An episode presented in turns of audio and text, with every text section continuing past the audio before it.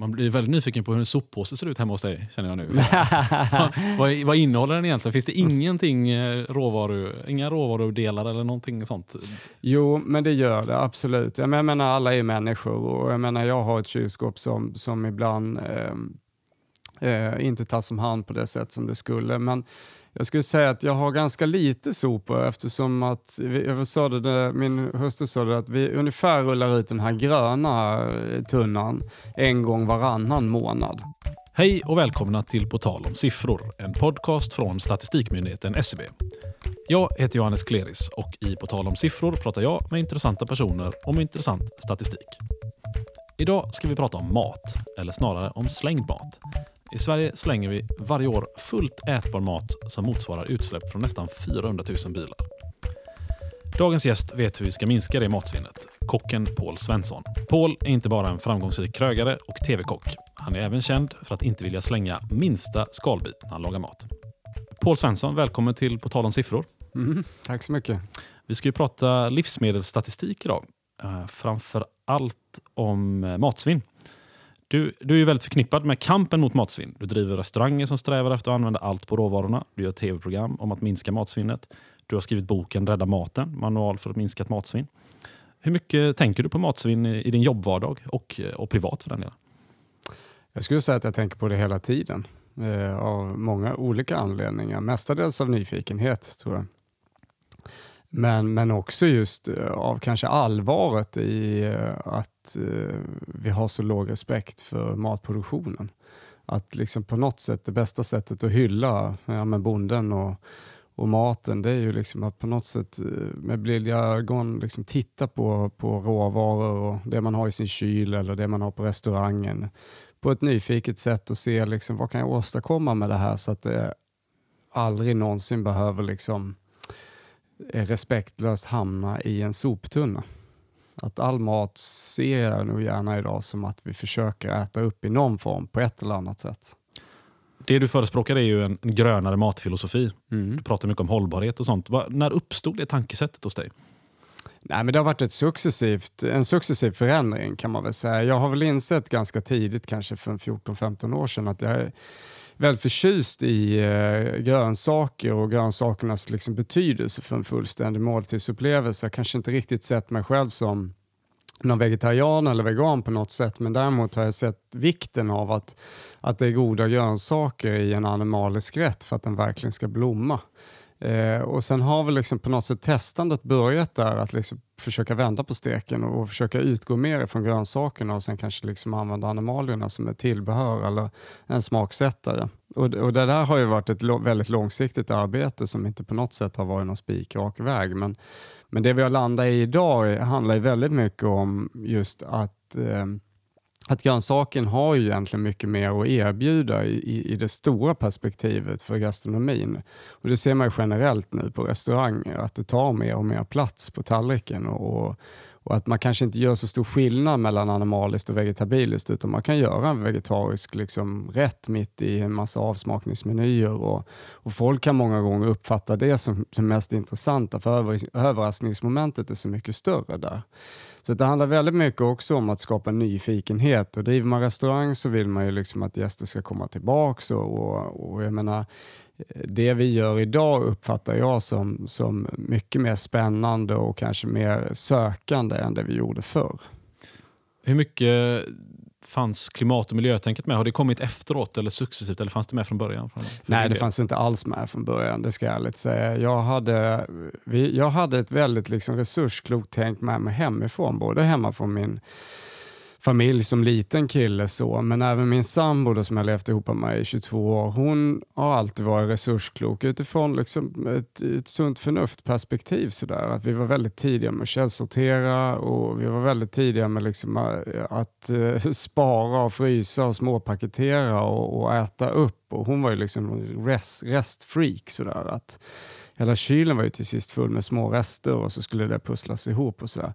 Och jag kan väl säga att i grunden var inte jag sådär jätteintresserad av det där. Jag tyckte jag, jag ja, men vet som man gör när man lever i en tvåsamhet, man följer Eh, men successivt så har hon liksom på något sätt övertygat mig om, om, om liksom det, det vackra i det där. Liksom när man går till en källsorteringsstation med vetskapen om att det här kommer att bli någonting annat. Att, att man kan cirkulera en vara, att man kan ge ett nytt liv till någonting. Någon annan kan liksom nyttja och, och, och eh, njuta av det som kanske var mitt skräp kan bli någon annans lycka. Så. Mm. Och, och, och, så ser jag nog väldigt mycket på saker och ting idag. Och jag menar visst, absolut, vår gastronomi som vi eh, står för idag har ju liksom ett hållbarhets, eh, ska man säga, eftertryck och, och, det trycker vi jättegärna på idag för vi tycker ju att det känns ju extra meningsfullt att det finns olika lager av sinnlighet. Att äta någonting som är makalöst gott och sen veta också att det inte är för mig utan det är bra för framtiden och för miljön och för ekosystemet. Att de perspektiven tror jag vi kan smaka på idag. Det kunde vi inte för tio år sedan.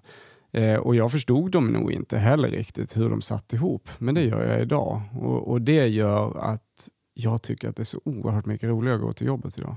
Men hur viktiga är de perspektiven för dig idag skulle du säga jämfört med, med förr? Livsviktiga skulle jag säga. Mm. Alltså, ett är det liksom att försöka beskriva dem genom det vi gör på jobbet men också just gentemot mina anställda. Att, att vetskapen om att när vi går till jobbet gör vi skillnad. Det är inte bara att vi går till jobbet och försöker prestera en bättre gastronomi än någon annan gör. Vilket har liksom varit det optimala målet att mäta sig mot varandra och vem är bäst i år och sådär. Att, att det finns andra best practice man kan faktiskt vara otroligt skicklig på att göra någonting bra som är inte bara bra för stunden utan är bra i ett, i ett större, ett längre perspektiv. Och Den kraften idag, den kan man känna på när man kommer in på jobbet och den kan man känna när man står i köket och man gör skillnad, man återanvänder någonting eller man, man säljer någonting på Blocket så kan man tänka sig att oh, gud, det är någon annan som kommer få liksom dra nytta av det här som jag betalade en gång i tiden istället för att det hamnar på tippen som det har varit liksom, eh, sedan tidernas begynnelse. Hur upplever du att, att medveten, medvetenheten kring de här frågorna kring matsvinn är idag i din bransch jämfört med, med förr? Jag ska säga att de sista två åren har det blivit en lavinartad utveckling. Jag tycker för två år sedan tyckte jag nästan inte någon pratade om det. Visst det fanns de som var jätteduktiga på det, som var väldiga pionjärer och var tidigt ute med att försöka beskriva hur allvarlig den här frågan, för jag menar på något sätt så är det ju ändå så att rent krast kan man säga att matsvinnsfrågan eh, om man ska sätta liksom huvudet på spiken så finns det ju inget ohållbarare än att slänga redan producerad mat oavsett hur den är producerad och var.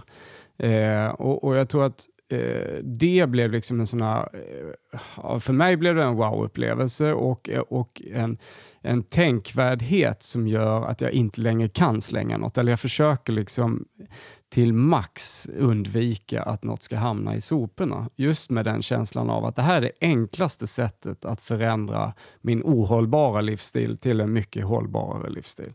Eh, men de sista två åren skulle jag säga att, att eh, hela samhället har ju vaknat till liv lite grann och, och det pratas i alla möjliga lager om just medvetenheten runt omkring både hur mat produceras men också hur kanske lite av den mat vi producerar faktiskt hamnar i magen på folk.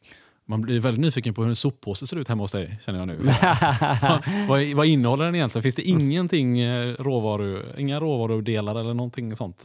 Jo, men det gör det absolut. Jag menar, alla är människor och jag menar, jag har ett kylskåp som, som ibland eh, eh, inte tas om hand på det sätt som det skulle. Men jag skulle säga att jag har ganska lite sopor eftersom att jag sa det, min hustru sa det, att vi ungefär rullar ut den här gröna eh, tunnan en gång varannan månad. Alltså den här som är bara liksom brännbart. Eh, och vi rullar ut kanske komposttunnan max en gång i veckan. Eh, och jag menar samtidigt med vetskapen om att det ändå blir biogas och så, så är det ju inte bara liksom destruktivt så, men, men helst av allt skulle man inte vilja rulla fram den överhuvudtaget. Men det handlar väl om just eh, tajmingen i vardagen och så. Men jag, jag tänker just att i och med att vi har blivit så mycket mer medvetna kanske de sista fem åren skulle jag säga hemma hos mig då, har vi blivit väldigt aktiva, eh, både med frysen och kylen och, och, och eh, hur vi handlar och, och, att försöka undvika och liksom så här eh, impulsivt handla eh, utan att veta egentligen vad vi ska ha det till. Så har vi minskat det jättemycket. Eh, också genom att vi har börjat odla hemma så har vi fått liksom barnen mer medvetna ja, värdet på mat på något sätt, att det tar tid att komma till och, och kanske liksom, eh, man äter upp det man har lagt på tallriken. För oftast är det ju den volymen som är den största, alltså den som man kanske inte riktigt, den som är förknippad med äckel, det är ju när någon annan har liksom geggat runt i den. Det har jag svårt för själv. Jag, kan inte ä- jag har svårt att äta upp barnens liksom matrester till exempel sådär på, på tallriken, utan då vill man gärna få dem till att själva äta upp det. Eh, så det skulle väl vara sånt. Då. Och sen är det ju klart att jag menar, emballage berget som är där hemma, det, det, är ju, alltså det blir också en medvetenhet i hur ofantligt mycket material man släpper med sig hem som ett inte är ätligt och två som bara ska cirkuleras Mm. för att det är en förpackningsvara. Så jag tror att källsortering i sig är så nyttigt för att förstå liksom vilket enormt resursanvändande man har som individ. Mm. Eh, hur mycket man släpper hem och man släpper tillbaks igen utan att man egentligen liksom njuter av det där materialet mycket mer än att ja, man kan ta hem någonting utan att det skadas. Ja, jag tror att plastförpackningar är nog det jag slänger oftast. Nästan oftare än vanligt hushållsavfall. Alltså. Ja, det är Mm. nog helt makalöst vad mycket släp, mm, plast man släpper hem. Du, vad säger du? Ska vi hoppa in i, i statistiken? Mm, gärna. Först måste jag fråga, hur ser ditt förhållande till statistik ut? Om, om du har något överhuvudtaget? Ja, jag älskar statistik. Är det så? Ja, verkligen. Jag Ja. tycker det är roligt. Mm, Det, liksom ger perspektiv på saker och ting. Mm, då har du verkligen kommit rätt. Mm. Det är härligt. Jag tänkte börja i, i de riktigt, riktigt stora siffrorna. Eh, så här, nu ska vi se, nu tappade jag bort det här bara därför. Jo, så här. Eh, 2016 så slängdes det 1,3 miljoner ton matavfall i Sverige. Eh, Enligt statistik från Naturvårdsverket. 1,3 miljoner ton. Mm. Hushållen stod för 75 procent av det, vilket är då 938 000 ton.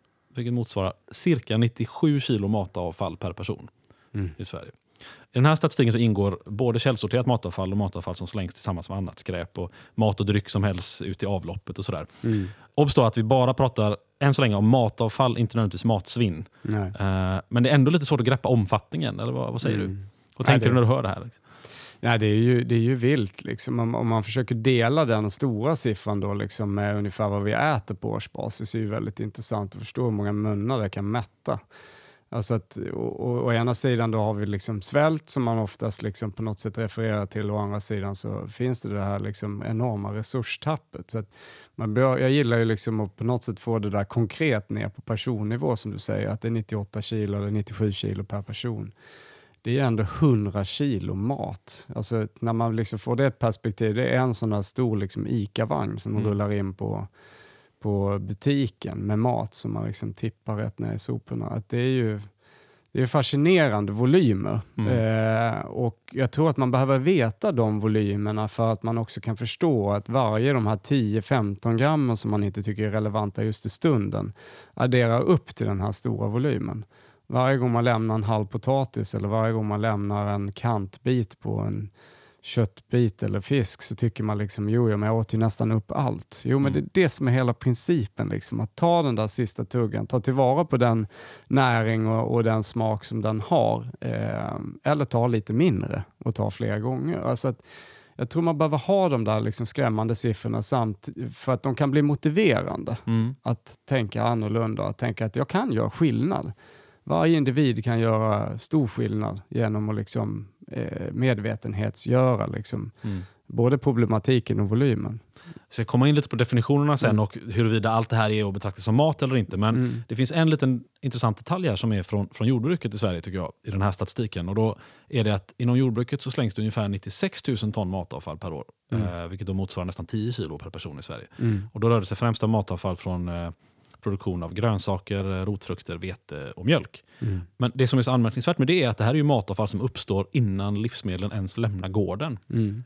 Där kanske det också finns någonting som, man, som då inte har med hushållens vanor att göra, som, men någonting som borde ändras. Även om det, här, det kan ju vara sånt som faktiskt går att bli foder såklart. Mm. Mm. Eller blir, eh, går tillbaka till jorden och sådär. Men, Mm. men någonting kanske det säger ändå om hur, att man, hur man ska kunna ändra sitt tänk redan i första led. Eller vad, vad.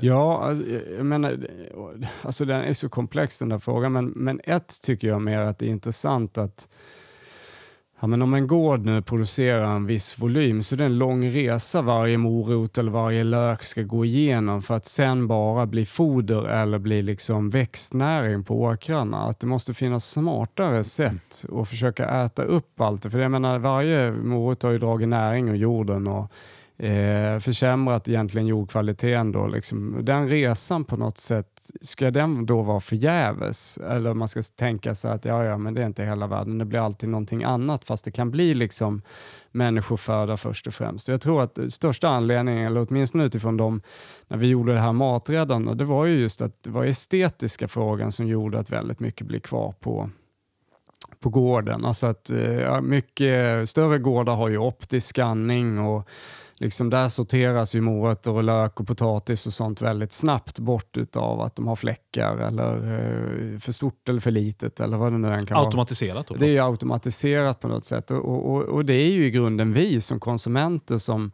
som gör en tydlig markering när vi handlar, att vi köper bara raka morötter. Och, och samtidigt är det liksom ännu komplexare än så för att det ska också vara enkelt att handla. Då ska de här morötterna då vara i en påse och en påse ser ju ut på ett visst sätt så då anpassas ju morötterna efter påsen och inte påsen efter morötterna. Mm.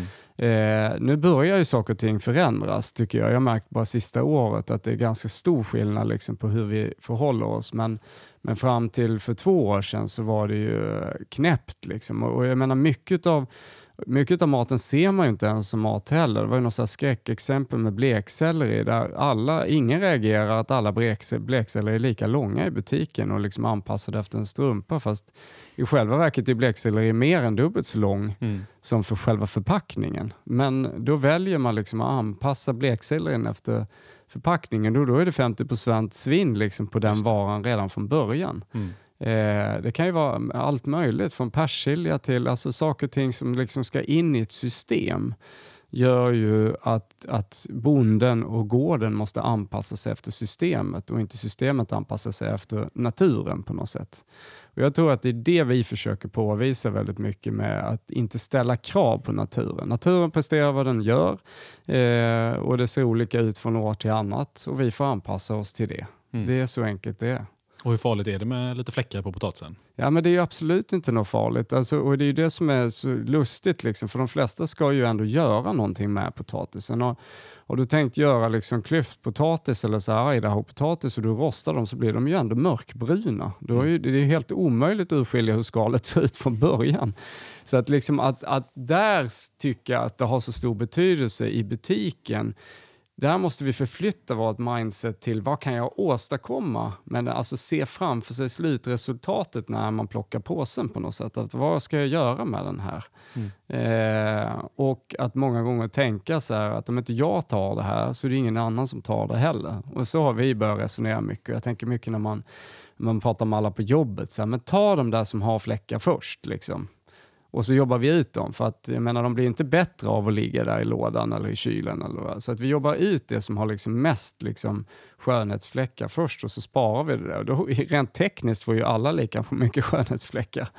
Eh, för väldigt få råvaror rent estetiskt odla, eller ska man säga, åldras med värdighet. De är klart att de blir fulare eller skrynkligare eller vad det nu än är, men det har ju ingenting med smaken att göra och gastronomi eller matlagning handlar ju bara om smak och mm. konsistens. Mm. Om det handlar om utseende så handlar det väl om utseendet på den färdiga rätten? Exakt. Mm. Och jag menar, det är ju som du säger, man, skivar man ett äpple så är ju liksom skalets liksom kant eh, mikroskopisk om man jämför med innanmätet i en skiva. Mm. Då är det ju liksom skivan och, och liksom fruktköttet och, och, och kärnhuset som är det visuella på ett äpple och inte längre liksom skalet. Men okej, okay, allt matavfall är ju då faktiskt inte matsvinn. Utan ett exempel, kaffesump räknas som matavfall men det är väl knappast matsvinn.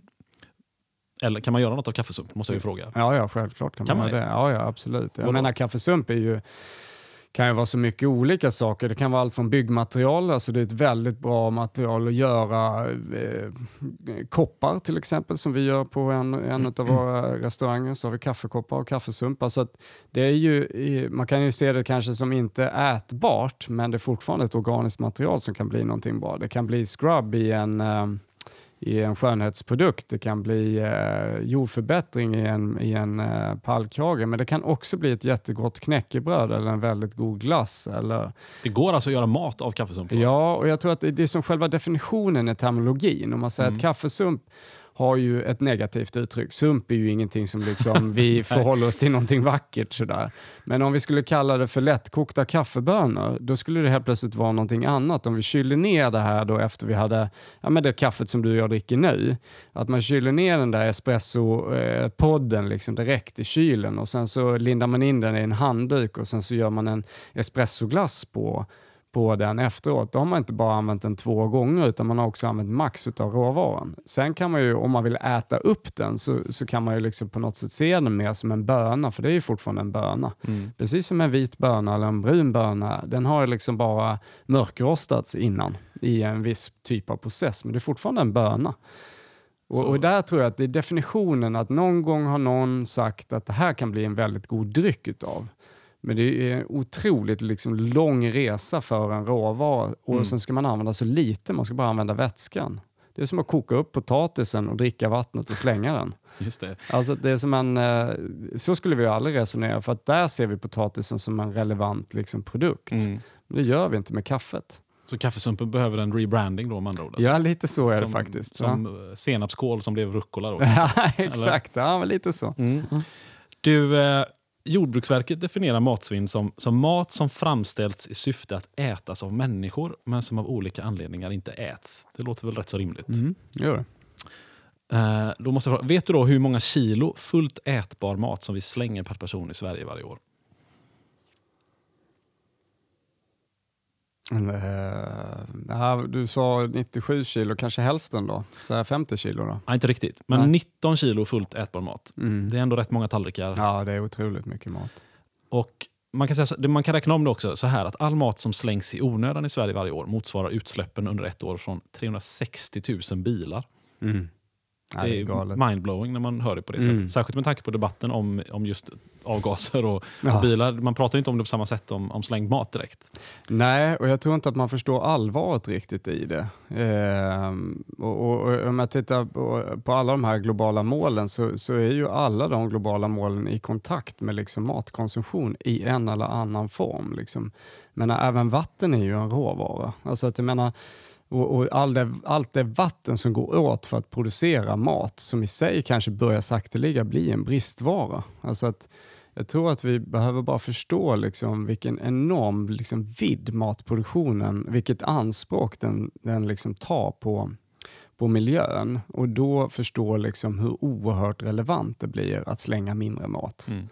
Eh, man kan göra så stor skillnad genom den medvetenhetsförflyttningen kan man säga. Att ta ett beslut hemma att idag, från och med idag ska vi inte slänga någonting som vi har lagat åtminstone. Sen kan det vara att man liksom, ja, inte lyckas alltid, men att ha den ambitionen i vilket fall, det tror jag är en superfin ambition. Framförallt att lämna det legacy till sina barn kanske, eller, eh, eller på sin arbetsplats, då, som i mitt fall också. Vilket tycker du är det onödigaste matsvinnet? I hemmen skulle jag säga att, att folk slaviskt följer bäst före-datum som, som en regel om där mat eh, instinktivt då blir dålig när den når sitt bäst före-datum. Det är det absolut liksom mest onödiga svinnet. För det, det är väldigt, väldigt sällan den maten är dålig när den mm. når sitt bäst före-datum. Det kan faktiskt vara omvänt. Den är till och med bättre än när du köpte den. Mm. Utifrån ett smakperspektiv. Så det är ju, skulle vara en revolutionerande förändring om folk liksom förändrade sin, eh, sin bild av ett bäst före-datum. För många äcklas ju av det där. Att mm. Det har ju liksom gått från en riktlinje till någon form av liksom giftsymbol nästan på, på förpackningen. Att det är lite läskigt hur vi blir då och, och jag menar hur oerhört mycket sådana klipp och historier man kan höra om liksom äckelhistorier hur folk då har liksom fått dålig mat i sig som kanske inte överhuvudtaget har med bäst före-datumet att göra. Mm. Så det skulle vara en stor förflyttning tror jag i hemmen. Att inse att maten inte förvandlas för midnatt om man nu nej, tror nej, mm. nej, exakt. Och att vara lite mer nyfiken faktiskt på att mat kanske faktiskt åldras med värdighet. Kanske inte estetiskt men smakmässigt. Att mycket av de grejerna som du har i din kyl som, som, som börjar bli äldre kanske faktiskt visar sig vara mycket godare när du köpte dem. Mm. Eh, det mest onödiga matsvinnet kanske på, på restaurang det är ju liksom att skala och skära bort och stumpa och forma mat liksom på ett sätt så att den ska se likadan ut. För det har ju varit en en tumregel kan man säga sen man var ung kock. Att, att det handlar väldigt mycket om exakthet, att saker och ting ska vara exakt likadant. Det ska se likadant från ena dagen till den andra. Att börja acceptera att naturen ser inte ut så, utan att vi, vi försöker anpassa oss till naturen och inte skära någonting. Försöka undvika överhuvudtaget eh, och jobba med kniven så mycket som möjligt mm. när det kommer liksom till att forma. Att eh, försöka liksom vänja gästen vid att fyra tallrikar kan se väldigt olika ut så länge alla fyra tallrikar är vackra. Mm. Eh, där skulle man göra jättestor skillnad på restaurang för det skärs, oerhört mycket, eller skärs bort väldigt mycket för att forma saker och ting. Finns det något som vi brukar slänga som känns extra slösigt sett till smak och näringspotential? Ja, alltså vi slänger väldigt mycket av, framförallt under den perioden när vi har en växtsäsong till exempel i, i Sverige så slänger vi väldigt mycket av råvaran som vi inte ens visste är kanske godare än det vi äter. Att, eh, en blomkål är ju egentligen kanske fyra gånger så stor som, som eh, själva blomman som vi köper i butik med ansade blad då, som vi sen kallar för blast, fast det inte är blast, det är kolblad. Alltså mm. det, är, det är en kolsort. Mm. Eh, att vi äter väldigt lite på vissa råvaror. Vi, äter inte, vi kallar det för blast istället för blad när det kommer till alla grönsaker egentligen. Och många grönsaker är ju örter eller blommor från början. Och roten är liksom på något sätt en biprodukt utav av varan. Att se det faktiskt som att en, en växt är, är så mycket mer. Mm. Sen behövs det i jordbruket självklart liksom jordförbättring av att man plöjer ner väldigt mycket av den här blasten och jordförbättrar och jordluckrar liksom åkrar och så. Men, men mycket av det som idag liksom plöjs ner skulle vi faktiskt kunna äta och det skulle fortfarande funka i, i jordbruket. Så jag tror, och, och där finns det tusen exempel på, men, men det är ju ganska enkel en, en, en, enkel jämförelse om man tittar i växtriket är ju att mangold är ju ett jättevackert, jättegott blad. Liksom. Och mangold och rödbetor är jättenära besläktade, tillhör amarantväxtsläktet. Men eh, bladen på rödbeta kallas för blast, trots att det egentligen är ett mangoldblad. Mm. Eh, och roten är en bonus. Eh, och att se då att faktiskt man kan köpa rödbetan för bladen och inte bara för roten och använda bladen först och spara roten är liksom en förflyttning tror jag, eh, där vi skulle kunna äta mycket mer av det som produceras i landet och utanför landet. Men det förutsätter ju såklart att att vi använder mindre gifter och bekämpningsmedel i, i produktionen såklart. Och Det skulle nog kräva någon slags informationsinsats också, folkbildning, för att Absolut. veta vilka, vad är blad och vad är blast. Till exempel. Ja, jag, ja. Det är ju inte så lätt att veta om man aldrig har eh, varit inne på de här Nej, och det förut. behöver komma lite grann både från jordbruket och från kockarna tror jag och sen få lite draghjälp av butikerna där vi kanske måste sälja saker och ting lite annorlunda. Precis som vi har vant folk vid att man köper grönkål och svartkål i bunt kan man köpa liksom blad från rotfrukter i bunt som en, som en egen typ av växt och mår mycket bättre på det viset. Helst lite vatten och där inte rot och blad liksom konkurrerar om vätska och näring. Så att vi måste förändra liksom hur butikerna ser ut och liksom utbudet av vad vi kan köpa under säsong. Eh, det är ju en viktig förflyttning och den kommer inte hända i övermorgon såklart. Men, men jag tror att vi rör oss ditåt mm. ganska snabbt, snabbare än vad vi tror. Och om man inte då bryr sig om miljön så finns det ekonomiska incitament. För mm. Enligt Livsmedelsverket så kan, kan ett hushåll spara mellan 3 och 6 000 kronor om året på att minska sitt matsvinn. Mm. kan man göra något kul för istället ja, för att slänga, slänga ja. sopor. Ja, verkligen. Jag tänkte vi ska hoppa över till lite livsmedelsstatistik. Ehm, eh, prata om, om vad vi faktiskt äter upp mm. snarare än om vad vi slänger. Mm. Livsmedel, Livsmedelsverket gör ju flera undersökningar om, om våra matvanor. Uh, nu var det några år sedan de kartlade vad vuxna äter. Det var 2010-2011. Men då konstaterade de bland annat att 9 av 10 äter för lite fullkorn. 7 mm. av 10 får i sig för lite fibrer. 4 av 10 äter för mycket socker. 7 av 10 äter för mycket salt. 8 av 10 får i sig för mycket mättat fett. 15 procent av vuxnas energiintag kommer från godis, läsk, bakverk och snacks. Och att unga kvinnor och män framförallt har sämst matvanor. Det är inte så överraskande kanske. Men, och att kvinnor generellt sett har bättre matvanor än män. Vad, vad tänker du när du hör de här grejerna? Vad, vad, är det vi måste ändra på i vårt sätt att äta och sätt att tänka vad gäller de bitarna? Ja, alltså vi måste, vi måste som tillbaks till mer naturlig mat. Det är ju som nummer ett. Att, att förstå att naturlig bra mat smakar tillräckligt mycket på egen hand. Alltså att jag tror att förädlingsindustrin har ju sabbat väldigt mycket. Att bröd innehåller socker som naturligt liksom alla spannmål har i sig själva, liksom sockerarter eller kolhydrater är ju otroligt märkligt. Att det har ju liksom på något sätt blivit också, eller flingor, alltså sådana här onödiga grejer som på morgnarna, yoghurt är fulla med socker och nu håller man på att försöka minska sockret i alla de här typerna av produkter. Men det är fascinerande. Vi har ju byggt upp liksom på något sätt ett beroende också av mm.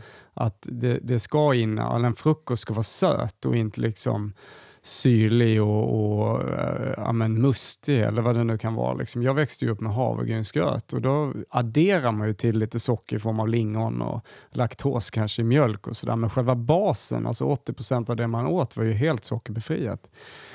Så jag tror att det är ju ett allvarligt problem vi har, alltså ett stort beroende av, av socker i samhället. Och, och, Det är väl det som också gör att unga människor liksom eh, poppar sig fulla med energidrycker och allt vad det nu är när man är hungrig eller sugen på någonting. Sen handlar det väldigt mycket om att mat generellt har börjat smaka mindre. Den är näringsfattigare, smakar mindre, den är odlad under sämre förhållanden med, med mindre intensitet, vilket gör ju att vi har liksom på något sätt vant oss vid tanken av att vi måste liksom förstärka det vi har. Eh, istället för att jobba med växtförädling och få mat att smaka mycket mer eh, naturligt. Och Jag tror att de här parallella liksom spåren jobbar ju nu bredvid varandra, sida vid sida. Å ena sidan har det blivit en ganska stark liksom rörelse för naturlig mat.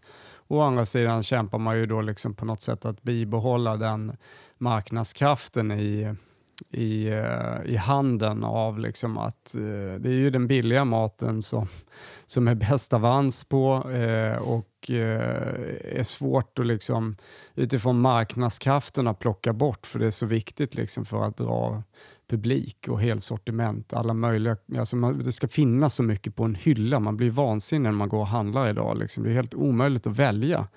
För man, det, tar ju liksom, förr om man gick in i en butik och tog 20 minuter och handlade så kan det ta en och en halv timme idag för det är så mycket val som ska göras och hyllorna är så stora och långa att eh, det ryms ganska lite i varje avdelning. Så jag tror att vi behöver göra ett ordentligt omtag liksom, och hjälpa folk att handla bättre, hjälpa folk att hitta bättre eh, och hjälpa folk att göra bättre val. Eh, och Då måste man ta bort skräp helt enkelt. Man måste liksom sålla bort sånt som är eh, vedervärdigt dåligt. Och, och det handlar ju om alla segment egentligen. Allt från liksom skräp matsdelen till grönsaker, till kött och fisk. Att liksom inte erbjuda dåliga alternativ bara för att de råkar vara billiga. Mm. Det var ju vuxnas matvanor. De, mm. de, har faktiskt gjort en kartläggning av ungas matvanor också som är mer färsk från läsåret 2016-2017 eh, med hjälp av SCB. Då så kartlade de matvanorna hos barn som går i femman och åttan samt andra året på gymnasiet. Mm. Och Där kunde man se att ungdomar äter alldeles för lite frukt och grönsaker. Mm. Inte så förvånande kanske. Nej. Och för mycket rött kött och charkprodukter. Mm. Vilket ju då ökar risken för folksjukdomar i mm. framtiden i populationen. Uh, var femte ungdom har övervikt eller fetma. Och att matvanorna är sämre bland ungdomar som har föräldrar med låg utbildning eller, och eller låg inkomst. Uh, och En särskilt utsatt grupp är ungdomar som inte går på gymnasiet. Där har nästan var fjärde person fetma. Mm. Det, det låter ju inte så upplyftande om man ska tänka att vi ska, behöver förändra våra vanor. Att det är så de unga äter idag. Vad, alltså, hur ska man göra på samhällsnivå, tror du? Det är en jättestor fråga såklart, men ja. för att komma till rätta med det här. Nej, eller är tror... vi på väg kanske med medvetenheten redan? Eller vad, vad tror du? Ja, men det positiva skulle jag säga i det här, det är ju att att eh, ska man säga, den offentliga måltiden tar ju ett jättestort ansvar idag eh, och de som jobbar med det vill ta ett stort ansvar. Jag, jag har själv förmånen att få jobba en hel del med det och, och har sett utvecklingen de sista tio åren där man förstår liksom hur oerhört viktig ens funktion är idag gentemot just den här jämlikheten i samhället. För på något sätt så har ju då de flesta, eh, skulle jag väl ändå säga, de flesta barnen tillgång till grundskola. Och grundskolan i sig är självklart liksom, eh, eh till för att de ska eh, lära sig en oerhörd mängd med grejer, men de har också tillgång till en skolmåltid varje dag och flera av de skolorna idag erbjuder dessutom frukost och mellis. Och Det där är väl liksom den optimala sociala hållbarhetsreformen på något sätt, att genom skolan kan vi ge samma förutsättningar för alla barn framåt. Alltså både utifrån det pedagogiska värdet, alltså att vad är bra mat? Eh, att erbjuda bra mat eh, ett antal dagar i veckan, vilket är ju ändå fem dagar i veckan. Sen ser man ju ganska tydligt också i, på många ställen då som är mer segregerade än andra, att det kommer väldigt mycket hungriga barn på måndagar eh, och äter liksom som de inte har sett mat förut. Så det är ju tydligt att liksom matfrågan är, är viktigare än den någonsin har varit på så oerhört många plan. Och, och, där kan man ändå se att, som jag sa, just att skol, skolmatsvärlden och förskolorna de tar ett jättestort ansvar idag att, att liksom sprida det pedagogiska värdet, att erbjuda det pedagogiska värdet av god mat och rätt mat och rätt råvaror i rätt proportion. Eh, så där tror jag att kan man både politiskt och föräldrar här runt om i landet liksom förstå vilket enormt värde det är och coacha och peppa och ligga på liksom, eh, och heja på den rörelsen så kan vi göra jättestor skillnad. Istället för att man är ganska snabb med att klandra liksom, skolan för att mitt barn inte får äta tillräckligt många köttbullar. Eller, eh, att förstå att de, de har liksom en, en, en en stark, väldigt motiverad strategi att hjälpa eh, den nya generationen barn ut i samhället med rätt kunskap och rätt syn på mat. Mm. Och även hemkunskapslärare ska man inte glömma bort, hur otroligt viktig funktion de har. Eh, i, främst liksom i förståelsen för mat och värdet på mat och respekten för mat. Det var hoppfullt, mm. men jag tänkte jag ska ändå, för att det inte ska bli för deppigt med tanke mm. på det jag pratar om, så ska mm. jag jag tänker att vi ska avrunda med att prata lite om, om näringsrik mat. Mm. Det finns nämligen statistik på det med såklart. Mm. Uh, jag tänkte om jag får uh, köra ett litet överraskningstest på det här. Mm. Livsmedelsverket har nämligen analyserat de 40 populäraste grönsakerna och rotfrukterna i Sverige mm. och rangordnat dem utifrån hur näringsrika de är. Mm. Och tänkte så här, vilka tror du är topp 5? Jag ska inte kräva någon rangordning, men om du får gissa vilka topp 5 mest näringsrika av de 40 populäraste? Och då är det egentligen alla näringsämnen, alltså protein och ja, Jag måste erkänna att det här med hur de definierade näringsrika var lite oklart. Jag tror mm. att de tog in liksom allt möjligt som ja, mineraler och vitaminer och, och, mm. och kalorier, allt, allt på något sätt. Men bara rotfrukter? Ja, Grönsaker rotfrukter. Men jag tror kålrot ligger högst upp. Eller ligger högt upp va? Nej, den är inte med alls på den här topp top 10-listan faktiskt. Oj, men men det, det, kan vara att de faktiskt eh, pratar mer om, eh, inte kalorier så mycket, utan eh, mineraler och vitaminer. Och, Aha, okay. ja, så jag ska inte lura dig för mycket. Nej, all right. Eh, nej, men eh, morot ligger väl högt upp. Nej, inte på den här listan. Nej. Nej, jag, jag måste erkänna att jag ska ah. läsa den för dig. Den, ah. Jag förstod den inte själv när jag läste den, men på första plats så står nämligen gröna blad som spenat, matjesallad, mangold och nässlor. Ja, men det är ju ingen rotfrukt. Nej, det, men de, de har ju slagit ihop alltihopa. Jaha, okej. Okay. Ja, ja, då förlåt. förstår jag. Ja, jag trodde bara det var rotfrukter. Nej, nej, grönsaker nej. också. Jaha, okay. då, då förstår jag. Ja. Ja, ja, Nej, men då fattar jag. Nej, mm. men det är klart att eh, det är fullt med antioxidanter och vitaminer. Mm. Och broccoli är ju liksom en supergrönsak. Eh, tredje plats. Ja, tredje platsen. Mm. Ja, kan jag tänka mig. Och sen, eh, ja, det, alltså det är ju så att det är ju lite orättvist mot rotfrukter på något sätt, för allt som växer ovan mark eh, har ju tillgång till till fotosyntesen i en helt annan uh, utsträckning. Så det mesta som växer ovan mark är ju näringstätare. Då. Mm. Men kombinationen är ju det bästa. Vad kan det vara mer då som är eh, vitkål är väl också Uh, nej, vänta nu ska vi se. Nej, blomkål är faktiskt med på åttonde plats. Aha, okay. Ja. Mm. Och då är det ju då det vi äter minst på blomkålen som är mest näringstätt. Just det. det är de gröna bladen. Mm. Själva blomman i sig är inte riktigt lika näringstät, men Nej. själva växten i sig. Eh... Jag måste säga att jag blev förvånad över att matjesallad var så näring. Det trodde jag inte. Jag tänkte att, ah, att det var som isbergssallad, att det är väl ah. bara vatten. Och... Ja, nej, nej, men det beror väl på hur den är odlad och så. Mm. Men, men absolut, menar, gröna blad är ju spenat och mm. jag menar, allt sånt är ju supernäringstätt. Men det, det kanske inte heller ses som mat. Alltså jag menar, det är ju en, en, kombination är det ju av, alltså för att det ska bli en fullständig måltid så måste du innehålla kolhydrater, stärkelse och proteiner och alla de här grejerna. Eh, för att det ska skapas en mättnadskänsla och ge energi. Så mm. att, eh, menar, de här gröna bladen och det, det är ju oerhört liksom viktigt utifrån ett medicinalt perspektiv, liksom, och immunförsvar och ja, med mage och tarmar och allt sånt där. Då. Men det som vi äter absolut för minst utav och som vi borde äta mycket mer, det är ju just det här liksom, syrad mat. Och, och alltså, där egentligen eh, näringsförstärkningen eh, är, eh, är ju enorm av att till exempel mjölksyra, en morot eller vitkål eller vad det nu kan vara det behovet, eh, vi äter för lite saltgurka helt enkelt mm -hmm. i vårt land. Mm. Vi gjorde det förr för att vi var tvungna att göra det, men, Mm. men det är ju också sånt, alltså, när liksom produkten i sig är nyskördad så mäter man det då, liksom näringsvärdet. Men, men sen är det ju också viktigt hur den egentligen liksom tillagas och serveras. Det Mm. spelar ju ingen roll hur den ser ut. Det mesta äter man ju inte rått liksom, Nej. i den formen. Så att, eh, där finns ju ofta jämförelser som en fryst blomkål versus en, en färsk blomkål till exempel. Att en fryst blomkål eh, har högre näringsvärde än en färsk många gånger då, eh, för att man har lyckats kapsla in det med en snabb liksom, förädlingsprocess. Men det står ju inte hur man sen har tillagat den för att servera den. Nej. Tinar man den och serverar den, absolut. Mm. Då må hända att den har högre liksom, näringsvärde. Men om du liksom återupphetsar den där så Mm. är sannolikheten att alla näringsämnen rinner ut med liksom, vätskan. Mm. Så det är ju komplext med, med näring och, och, och näring kan man bara mäta i magen egentligen och det gör man ju väldigt sällan. Man mäter ju näringen innan. Liksom. Ja, sant. Eh, så att, eh, det är så himla viktigt, återigen tillbaka till matsvinnet, om man, så man kopplar ihop de två faktorerna. Att all mat som äts upp är ju den relevanta liksom, på något sätt måttstocken. Mm. Både utifrån ett matsvinnsperspektiv och ett näringsperspektiv. För eh, Tar man en massa grejer men sen slänger dem i soporna, då får vi två förluster. Både individens förlust och liksom resursförlusten i samhället. Så det handlar väldigt mycket om att göra den godaste maten som äts upp, som aldrig slängs.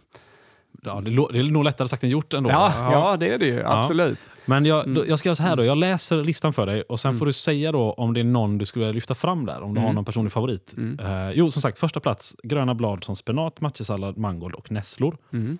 Andra gröna bönor och haricots Mm. Jag vet inte om de menar att det är samma, för det är en litet snedstreck. Eller om de menar Mm, att ja, men det finns olika definitioner på... Trea då broccoli. Mm. Eh, fyra gröna ärtor och sockerärtor. Mm. Fem avokado. Mm. Sex vita bönor. Mm. Sju purjolök. Mm. Åtta blomkål. Nio linser och tio kikärtor. Är det någon som överraskar det här för det första? Att de är så högt upp? Ja, avokado överraskar lite grann. Mm. Alltså, det är ju ett jättenyttigt fett och så, men, men det är också lite sorgligt på något sätt, för avokado är också den största matsvinnsprodukten där det är nästan, med tanke på att den odlas någon helt annanstans och är liksom enormt resurskrävande att få fram om man jämför med den som var innan, som gröna ärtor till exempel, som Mm. är en produkt som odlade, eller förr odlades väldigt mycket i Sverige. Mm. Eh, och är väldigt snarlik. Det är det som är så roligt. Alltså bönor, gröna bönor och gröna eh, ärtor, om man tittar på bombönor och gröna ärtor, eh, är väldigt snarlika när de är purerade eh, jämfört med avokado, men så oerhört mycket resursklokare och klimatsmartare. Eh, så det är ganska roligt att de ligger bredvid varandra på den här listan. För avokado borde inte överhuvudtaget vara med på listan, tänker man utifrån ett svenskt perspektiv. Nej. Och svinnet måste ju vara enormt på just avokado. Om man tänker folk som bara öppnar, äh, dålig, slänger. Ja, Det, och liksom förstå den resan liksom som en avokado gör. Dels då liksom i sitt odlingsskede där det Mm. går enorma, de är ju vattenbrist i de länderna de odlar mm. liksom avokado idag. Och sen så eh, plockar man dem omogna och sen så ska man på något raffinerat sätt. Någon Liksom, gas man använder? Ja, etengas. Och sen tror jag att det heter. Och sen är det ju att, att liksom också då... För att den ska mogna då? Ska vi. Ja, men precis. Och, och att den ska mogna jämnt. Mm. Alltså det, är det, det är sådana enorma volymer, så att det är ju verkligen rysk lätt att köpa en avokado. Mm. Eh, och, och att verkligen få den där eh, fantast, både fantastiska smaken, konsistensen och det där näringsvärdet då, som man kanske letar efter. Och Det är också det som är så roligt, som banan fick jag lära mig häromdagen, att det är inte förrän liksom en banan börjar bli brun och får bruna fläckar som det faktiskt utvecklar några former av liksom gynnsamma näringsämnen. Innan dess så är den ganska onyttig. Då är det liksom bara sockerarter. Aha.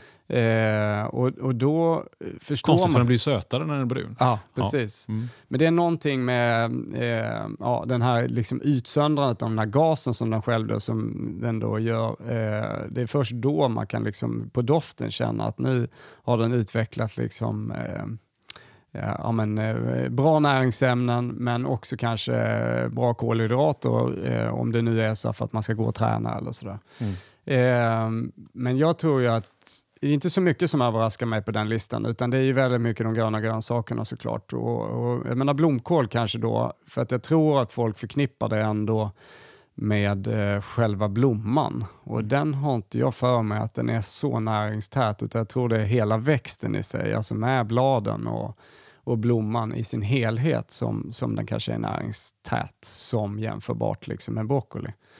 Eh, för oftast brukar det vara så att eh, biprodukten kan man väl säga av varan ovan mark har mindre näring än, än huvudprodukten.